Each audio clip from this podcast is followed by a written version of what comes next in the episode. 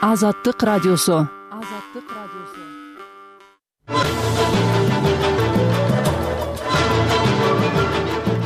Саламатсызбы? Азаттыктын кечки уктуруулары эфирде биз бүгүн айтып берели деген темалардан кыскача. Атайын кызмат экс депутат беш сары соода жайынын ээси камчыбек жолдошбаевди кармады. Ташиев буга чейин базар ээлери соодагерлерге шарт түзбөсө ижара акыны төмөндөтпөсө ал соода жайлары мамлекетке өтөөрүн эскерткен беш сары ошондо деп аткандар өзүлөрү байып бирок салык төлөбөгөн бизнесмендер азыр көрүнүп калды да. Кара суу базарындагы айрым ишкерлер жеке менчик укуктарын сактап берүү өтүнүчү менен өлкө жетекчилигине кайрылууда. Жерди бошот деп автоунаа токтотуучу жайыбызды бошотуп алышты. Эмне кылайын каяка барып кимге айтабыз? Оң рулдуу таксиге тыюу салуу демилгеси кайрадан жанданды бирок адистер бул жол кырсыктарын азайтууга өбөлгө болбойт деп жатат безопасный городдор коюлуп атат ошолордун баарын иштетиш керек. Жана мынашулар бергилди ошол бойдон уктап эсип алыш керек чыкпаш керек. А булар эки үч жолу кылып аткандан жана жолдон уктап кетип атышат. Ушул жана башка темаларга кеңири токтолобуз берүүбүздү калтырбай угуңуз. Жыйырма үчүнчү февраль жума күнкү программаны алып барып жаткан мен кундуз кызылжарова алгач күндүн негизги жаңылыктарынан токтосун шамбетов айтып берет рахмат саламатсыздарбы. Президент садыр жапаров кабар улуттук маалымат агенттигине тоң районундогу кызыл омпол кени жөнүндөгү маек берди. Анда жапаров кызыл омполду саясий айдыңда популисттик кылгандар уран кени деп атап алганын айтып кендин токсон беш пайызы титаномагнетит түзөөрүн билдирди. Президенттин маалыматында аталган кенде э, титаномагне токсон беш пайыз фосфор үч пайыз э, цироконий эки пайыз торий нөл бүтүн жүздөн жыйырма эки пайыз уран нөл бүтүн жүздөн он жети пайызды түзөт.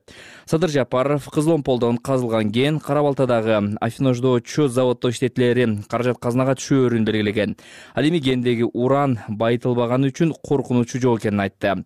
Президент кен казылып алынган жерде кажы сай миң куш сыяктуу уу калдыктары сактоочу жай болбой турганын жерде дароо э, айдоо катары иштетиле баштаарын билдирди.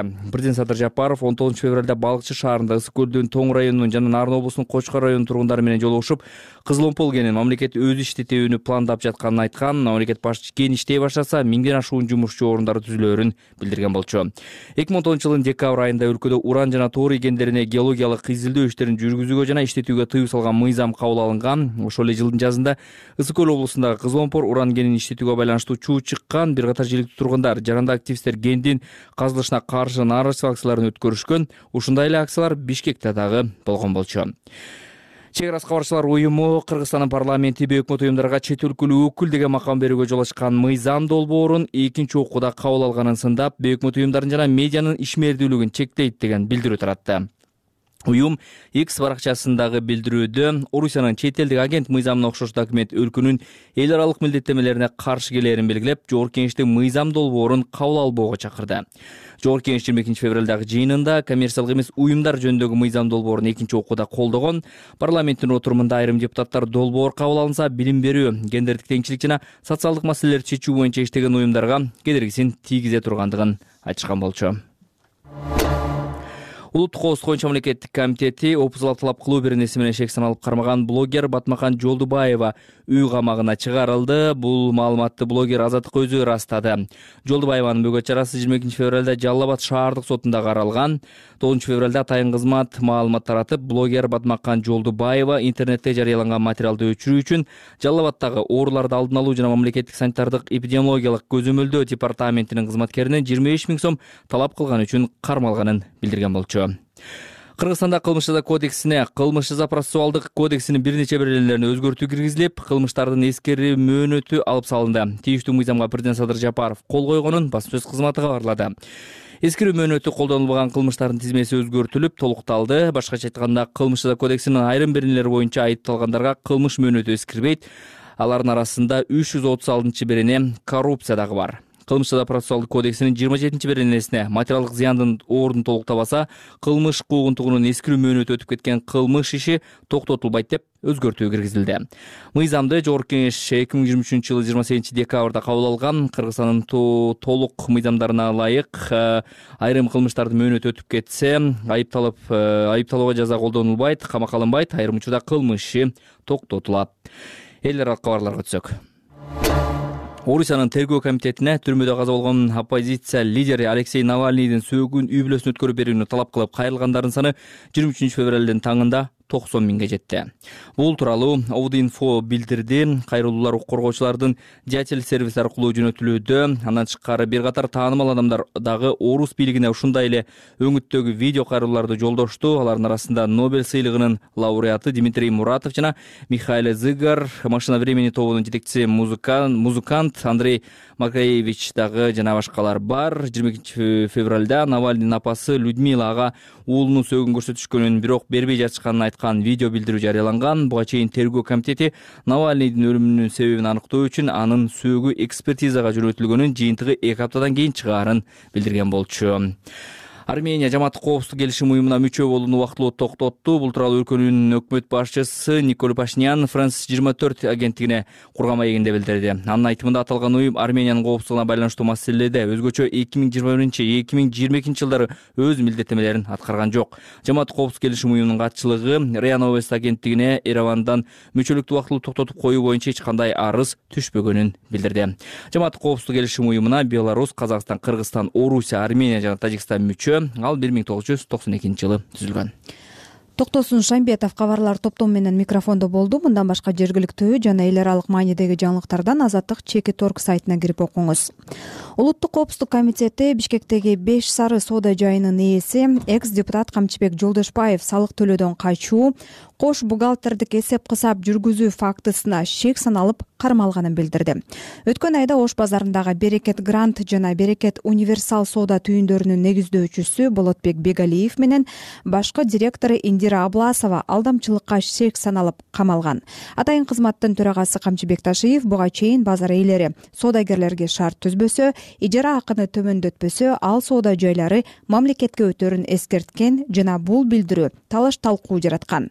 Сөз кесиптешим эленора бешенбек кызында атайын кызмат камчыбек жолдошбаевди каматкан жагдай тууралуу учкай билдирүү таратты. Анда ош базарында ага таандык беш сары соода борборунда салык төлөөдөн качуу кош бухгалтердик эсеп жүргүзүүңдүү каржылык мыйзам бузуулар аныкталганын билдирди жолдошбаевдин жакындары жана жактоочулары анын камалышы тууралуу азырынча комментарий бере элек президентке караштуу антикоррупциялык ишкердик кеңештин баш катчысы нурипа муканованын пикиринде бир канча жылдан бери айрым ишкерлер ар кандай айла амал менен салык төлөөдөн качып келген. Ал соңку окуяларды көмүскө экономикага каршы чаралардын бири катары сыпаттады беш сары ошода деп аткандар өзүлөрү байып бирок деген салык төлөбөгөн бизнесмендер азыр э, мындай көрүнүп калды да. Эң биринчиден ушу жанагы ккм койгондон кийин уже болуп калды да. Мурун мындай система жок. Ким төлөп атат ким төлөлбөй атат декларациясында эмне жазылып турат эмне жазылбай турат.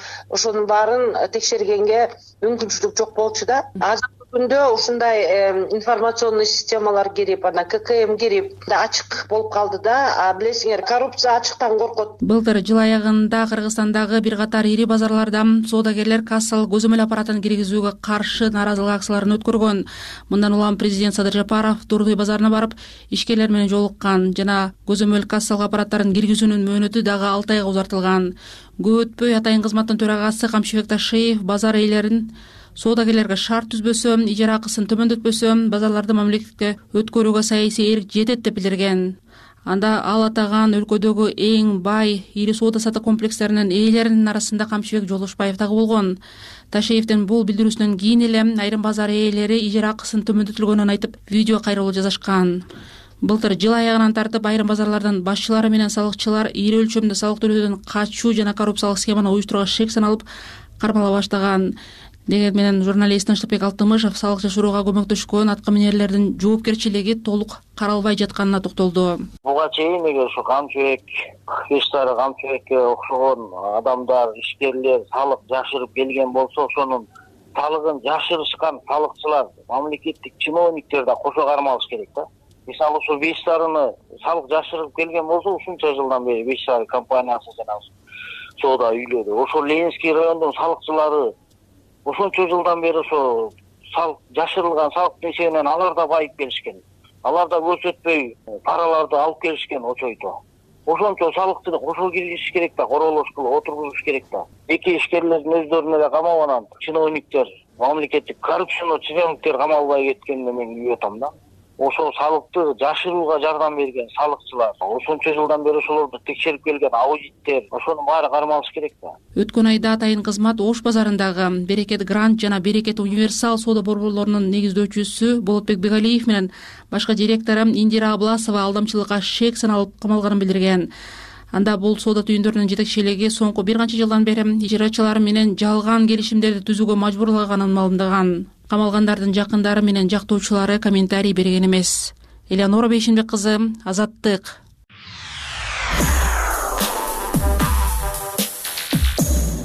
кесиптешим эленора бейшенбек кызы даярдап алып чыккан ушул эле баяндын макаласы азаттык чекит орг сайтында жайгаштырылган. Окуп аны социалдык тармактарда бөлүшкөндү унутпаңыз. Аймактардан келген кабарлар менен улантабыз берүүбүздү кара суу базарындагы айрым ишкерлер жеке менчик укуктарын сактап берүү өтүнүчү менен өлкө жетекчилигине кайрылууда. Аларга тиешелүү менчик жер тилкеси соттун чечими менен мүлк фондунун карамагына өткөнүн базар жетекчилиги эскерткен. Менчик ээлери буга чейин бир дагы сот отурумдарына катышпаганын айтып жатышат. Оштогу кабарчыбыз даткабек шабданбек уулунун баяндамасын тыңдаңыз. Энди биз индамай эле берип кала барамызбы кызыл китабыбызды ушул нече жылдан бери бу жер өзүбүз тагиден куруп чыкканбыз бу жерди оштун тургуну макбуз атажанова өзүнө жана жакындарына таандык кара суу базарындагы он сегиз сотук жер тилкесин мамлекет алып койгонун айтып даттанды ал колундагы кызыл китеби кантип жокко чыгып кеткенине ишенбей турат. Менин укугум эч ким укпай атат да. Менин укугум корголбой жатат. Мени эч ким укпай жатат. Буга чейин укмкнын төрагасы камчыбек ташиев жеке менчик укуктарды жакшы карагыла деп кеткен эле. Биз бул жерде мамлекеттик мүлкүбүздүн баарын сатып түгөткөнбүз.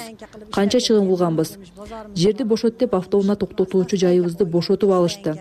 Эмне кылайын? Каяка барып кимге айтабыз болупту деди стоянкадан чыкты. Эч нерсе каякка бараман нема деймин нааразы болуп чыккандардын дагы бири мукадам рахматованын айтымында алар бир миң тогуз жүз токсон сегизинчи жылы жерди ижарага алып иштетип келишкен. Таштанды төгүлгөн каралбаган жерди тазалап имарат салганбыз дейт ал. Кийин бир миң тогуз жүз токсон тогузунчу жылы жер кодексинин нормаларынын негизинде менчикке өткөрүшкөн. Бул соода жайда төрт бүлөнүн негизги тиричилик булак эле дейт. Мындан ажырап калсак кандай болот деп бушайман болуп турушат бешта балам бар. Төрттөсү мектепке барады биттеси садик беш балам бар. Төртөө мектепке. Бирөө бакчага барат. Үйдө жалпы тогуз адам жашайбыз. Эртең иштеткен жерибизди жабылды десе эмне кылабыз? Балдарымдын чыгымын кантип жабам? Эртең эле россияга кетсем ал жакта беш балаң менен келипсиң. Мына деп эле иш даяр турган жок да. Өзүбүздүн мамлекетте ушундай болуп жаткандан кийин алар мени башымдан сылап коймок беле өзүмүн юртум өзүмүн элим ушунака кылып эзип тургандан кийин башка бирөө мени тепеге алып чыгып коёдубу деди нааразы болуп чыккандардын бири мукадам рахматова он сегиз сотук жерде чакан ашкана автоунаа токтоочу жайы андан сырткары мөмө жемиш базарын курушкан. Бул убакка чейин эки жолу сот отуруму өтүп ош облустук соту жерди мамлекетке өткөрүү тууралуу чечим чыгарган. Бирок ал жерге курулган имараттарды бузуу же кенемте тууралуу эч кандай чечим жок дейт жактоочу калича омаралиева алар он алтынчы февралда кагаз э, алышат чыгып кеткиле деп. Бирок соттун чечими болуш керек да. Же изъятие компенсация төлөнөт же снос компенсация төлөнөт. Жердин үстүндөгү имараттын тагдырын сот менен чечпей эле компенсация төлөбөй эле базардын жетекчилер булардын укугун бузуп жатышат. Мен ойлойм өкмөт өзүнү бул базарды алса баарын мыйзамдын негизинде кылыш керек. Базар жетекчилиги талашка түшкөн жерлер мыйзам чегинде соттун чечими менен кайтарылып алынганын билдирди. Алар жеке тараптарга жер тилкелери мыйзамсыз берилгенин айтып жатышат. Кадастрда катталып кадастрда азыр э, анын он эки жыйырма эки деген гос акты идентификациялык коду менен беш ноль төрт он беш бир миң бир он эки жыйырма эки деген коду жана он эки жыйырма үч он эки жыйырма төрт үчөө алты жүз квадрат метрден э, баардыгы гос учреждение государстводо собственник. Бул мамлекетке толук өттү деген бул сөзүчү. Эми биз деле мыйзам чегинде иш алып баратабыз ал жерде. Эми булар убагында э, мыйзамсыз алып алганын кайра кайтарып бергиси келбей атат мындайча айтканда. Деди кара суу базар дирекциясынын кызматкери исламбек мусаев. Кара суу базарынын айланасында чыр бир канча убакыттан бери токтобой келет. Бул убакка чейин алар президентке чейин кайрылуу жасап нааразычылык акциясын дагы өткөрүшкөн. Маселе парламентте да көтөрүлүп айрым депутаттар жеке менчик укугун коргоп бериши керектигин айткан. Мамлекеттик мүлк агенттиги кара суу базарын толук алуу үчүн сотко кайрылган. Бул боюнча сот жүрүп келет. Базаркомдор жер ээлери жеке менчик укугун коргоо өтүнүчү менен кайрылууларды жасап келүүдө. Таткабек шабданбек уулу азаттык ош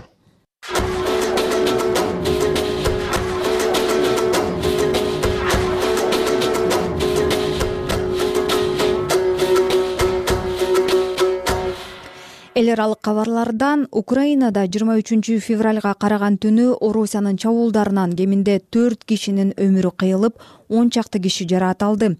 Орус аскерлери украинанын бир нече аймагына отуз бир жолу шахет дрондору менен мындан тышкары с үч жүз зениттик ракеталар канаттуу ракеталар менен сокку урду өлкө президенти владимир зеленский эл аралык коомчулукту орусиянын агрессиясына каршы чогуу күрөшүүгө чакырды.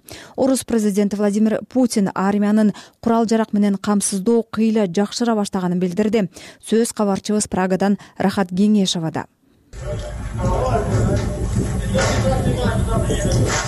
украина аскерлери түндө одесса николаев полтава днепропетров жана харьков облустарынын аймагына орусия учурган отуз бир жангечти дрондун жыйырма үчүн гана атып түшүргөнүн билдиришти. Күндүз да бир катар аймактарда абадан эскертүү жаңырып турду. Донецк облусунун мирноград шаарында ракеталык чабуулдан алтымыш сегиз жаштагы жергиликтүү тургундун өмүрү кыйылды. Мектептин имараты жана ондогон үй талкаланды. Одесса облусунда дрон түшкөн имаратта өрт чыгып үч киши каза болду. Днепропетров облусу жангечти дрон көп кабаттуу үйгө тийди. Баштапкы маалыматта сегиз киши жараат алганы дагы бир канчасы уранды астында экени кабарланды. Днепр администрациясынын башчысынын орун басары андрей кульбачтын айтымында шахеттер менен тогуз кабаттуу турак үйгө сокку урушту. Жарылуу болуп тогузунчу кабатта эки батир сегизинчи жетинчи кабатта да батирлер талкаланды. Адамдар уранды астында калды. Куткаруу операциясы жүрүп жатат украина орусиянын толук масштабтуу кол салуусуна каршы күрөшүп келатканына туура эки жыл болду. Күрөшүү натонун акшнын колдоосунан көз каранды болуп турган украинанын быйылкы жылга үмүтү чоң экенин өлкө президенти владимир зеленский өнөктөш мамлекеттердин өкүлдөрү менен өткөргөн жолугушуусунда айтты. Украина запрошую усі поважні держави украина коргоо тармагындагы кызматташтыкка баардык абройлуу өлкөлөрдү жана компанияларды чакырат орусиянын глобалдык санкциялардан буйтап кетишине мүмкүнчүлүк бербеш үчүн биз чогуу иштешибиз керек. Дагы бир аспект орусиялык активдер алар канчалык эрте конфискация болсо путин эл аралык укукка каршы агрессиясынын чыныгы баасын ошончолук тезирээк сезет зеленский быйылкы жылды өзгөчө деп атап согушту токтотууга колдон келген баардык аракетти көрүү зарылдыгын белгиледи. Орусия украинадагы согушун атайын аскердик операция деп атап келет президент владимир путин жыйырма үчүнчү февраль мекенди коргоочулар күнүнө карата кайрылуусунда орус армиясынын күч дарамети курал жабдык менен камсыздоосу жакшырып жатканын айтты. За последние годы предприятиями опк соңку жылдары коргоо тармагындагы ишканалардын эң зарыл курал жаракты өндүрүү көлөмү бир нече эсе көбөйдү биринчи кезекте жогорку тактыктагы курал жарактын учкучсуз учактардын танктардын брондолгон техниканын артиллериянын абадан коргонуу системаларынын түрлөрү жана байланыш чалгын каражаттары бул арада акш орусияга каршы санкцияларын дагы күчөтөрүн жарыялады кеп жүздөгөн жаңы санкциялар тууралуу болуп жатканын кошмо штаттардын мамлекеттик катчысынын орун басары виктория нуланд билдирди. Ал эми европа биримдиги согуштун эки жылдыгына карата дагы жүз алты орусиялыкка жана сексен сегиз ишкана мекемеге каршы санкция салганын ушуну менен тизме эки миңге чукулдаганын жума күнү жарыялады. Рахат кеңешова азаттык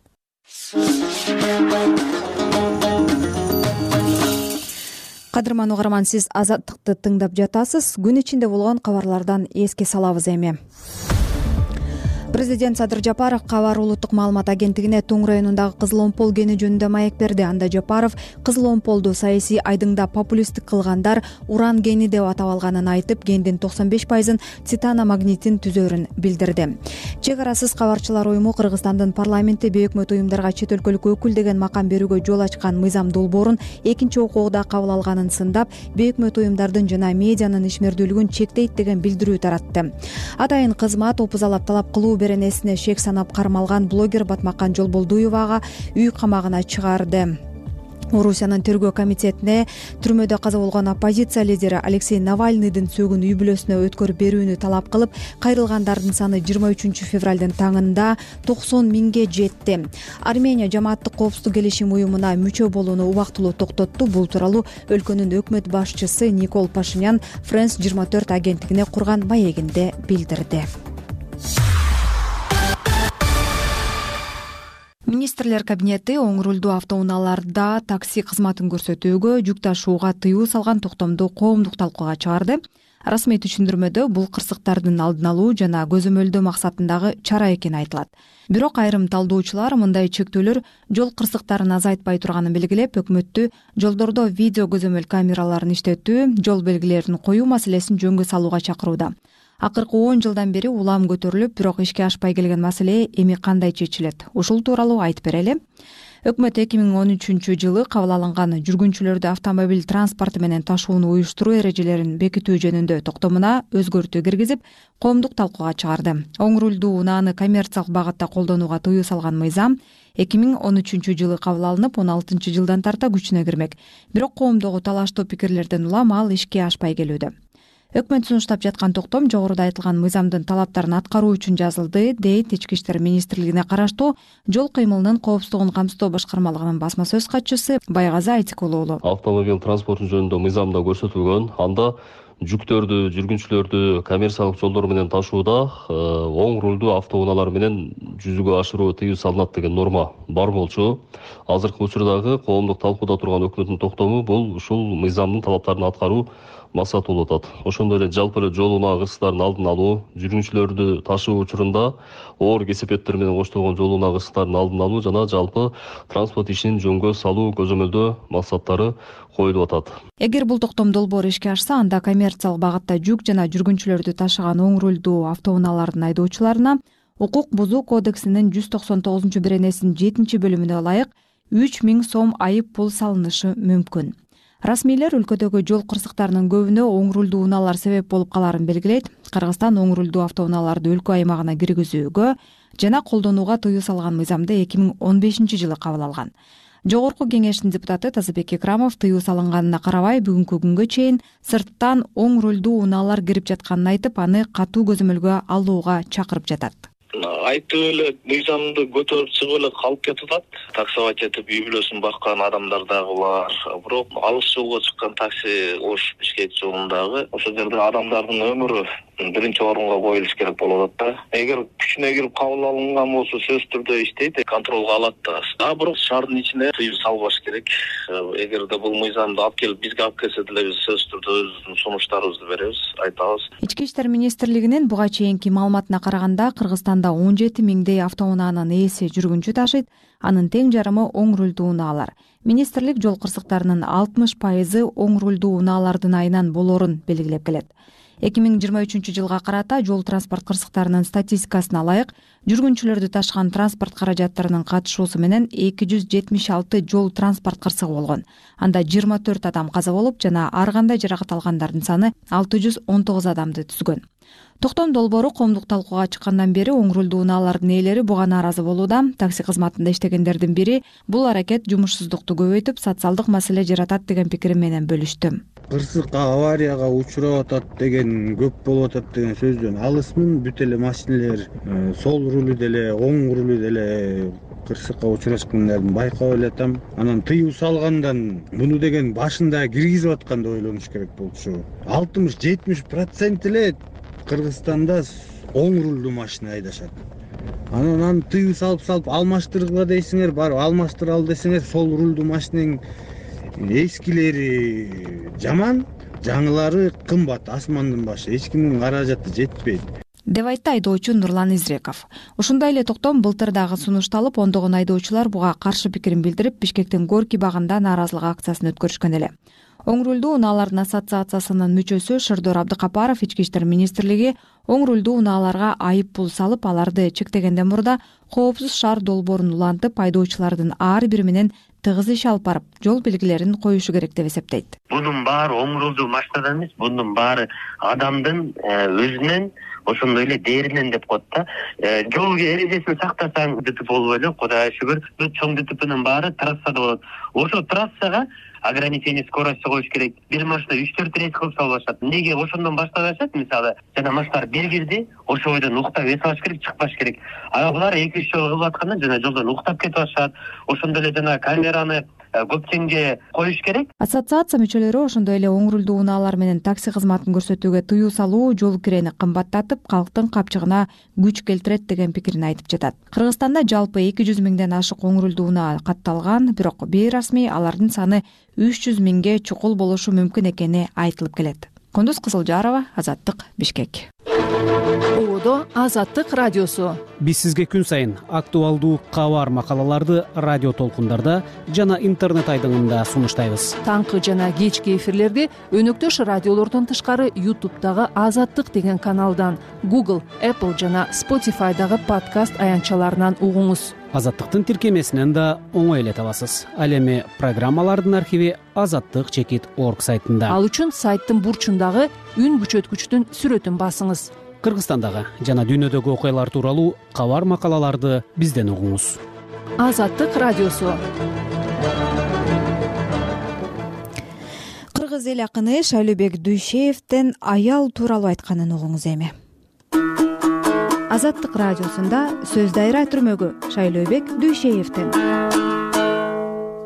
аял жөнүндө.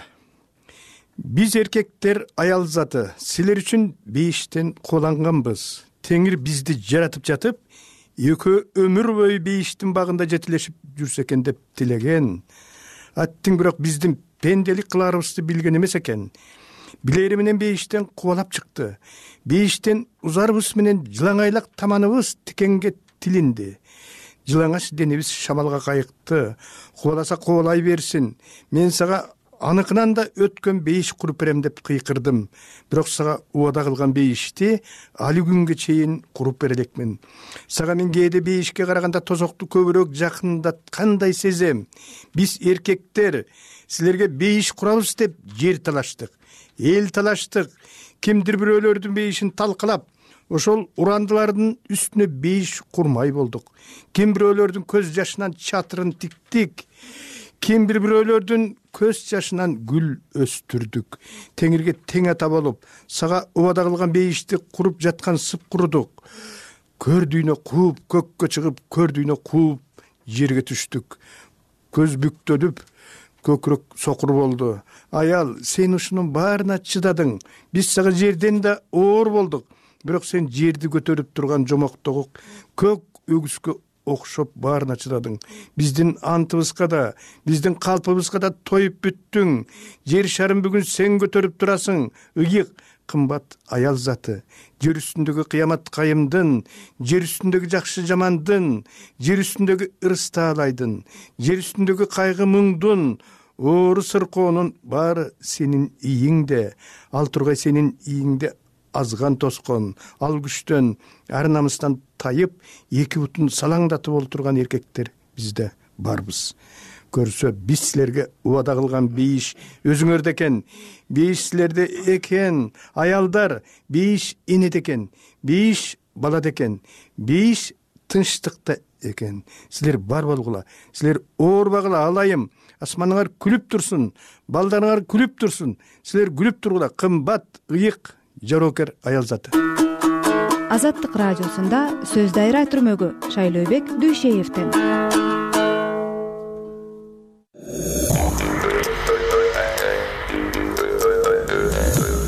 биз күндүн жаңылыктарынан эске салабыз. Президент садыр жапаров кабар улуттук маалымат агенттигине төң райондогу кызыл омпол кени жөнүндө маек берди. Анда жапаров кызыл омполду саясий айдынга популисттик кылгандар уран кени деп атап алганын айтып кендин токсон беш пайызын титаномагнитин түзөрүн билдирди.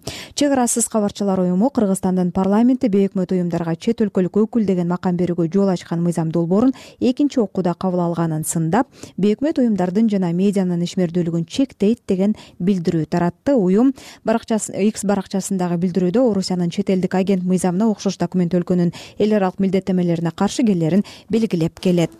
Азаттыктын угарманы ушуну менен жыйырма үчүнчү февраль жума күнкү уктурууларыбыздын биринчи бөлүгүн жыйынтыктайбыз. Аны алып барган мен кундуз кызылжарова.